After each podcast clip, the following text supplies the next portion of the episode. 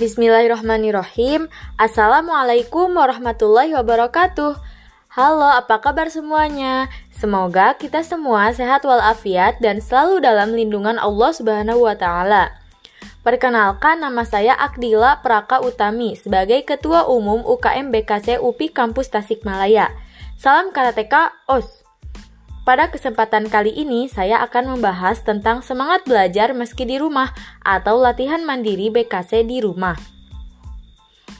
Adanya pandemi COVID-19 mengharuskan kita untuk belajar di rumah dan melakukan segala aktivitas di rumah.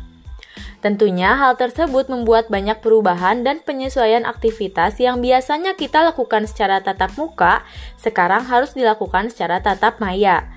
Meskipun belajar di rumah, tetapi semangat kita dalam belajar tidak boleh kendor ya, harus tetap fokus dan semangat.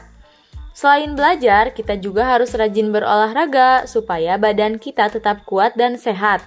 Salah satunya dengan latihan BKC di rumah secara mandiri. BKC merupakan singkatan dari Bandung Karate Club. Nah, UKM BKC ini bergerak di bidang olahraga, khususnya bela diri. Biasanya latihan BKC dilakukan rame-rame bersama teman yang lainnya. Gimana nih teman-teman semuanya pasti kangen latihan bersama ya, apalagi latihan di alam. Namun untuk sekarang latihan dilaksanakan secara mandiri dulu ya. Eh, tapi walaupun latihannya dilakukan secara mandiri, harus semangat dong, jangan malas. Nah, bagaimana sih caranya supaya kita terus semangat dalam melakukan latihan mandiri di rumah? Yuk kita simak ya.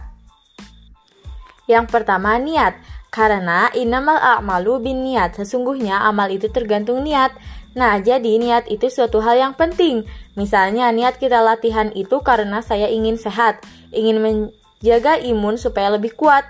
Nah, maka semuanya pasti akan dipermudah. Beda lagi kalau niatnya latihan karena ingin pamer ke orang kalau saya bisa bela diri. Nah, tidak begitu ya teman-teman semuanya. Yang kedua, lawan rasa malas. Terkadang memang jika kita sudah mempunyai niat untuk latihan, ada saja gangguan seperti rasa malas. Nah, rasa malas memang selalu menghampiri kita. Dan kita harus lawan tuh dengan cara dipaksakan terlebih dahulu untuk memulai latihan.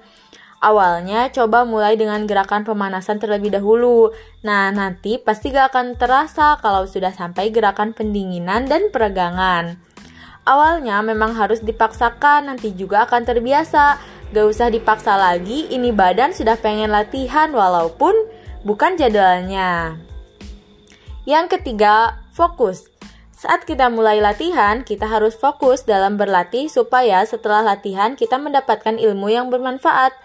Misalnya, latihan di minggu pertama membahas tentang gerakan dasar, maka fokus dan jangan dulu hiraukan kegiatan yang lain.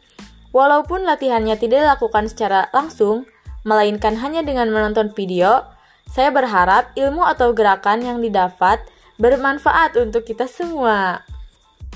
Cukup sekian pembahasan dari saya. Sampai jumpa lagi ya. Salam karateka. Os.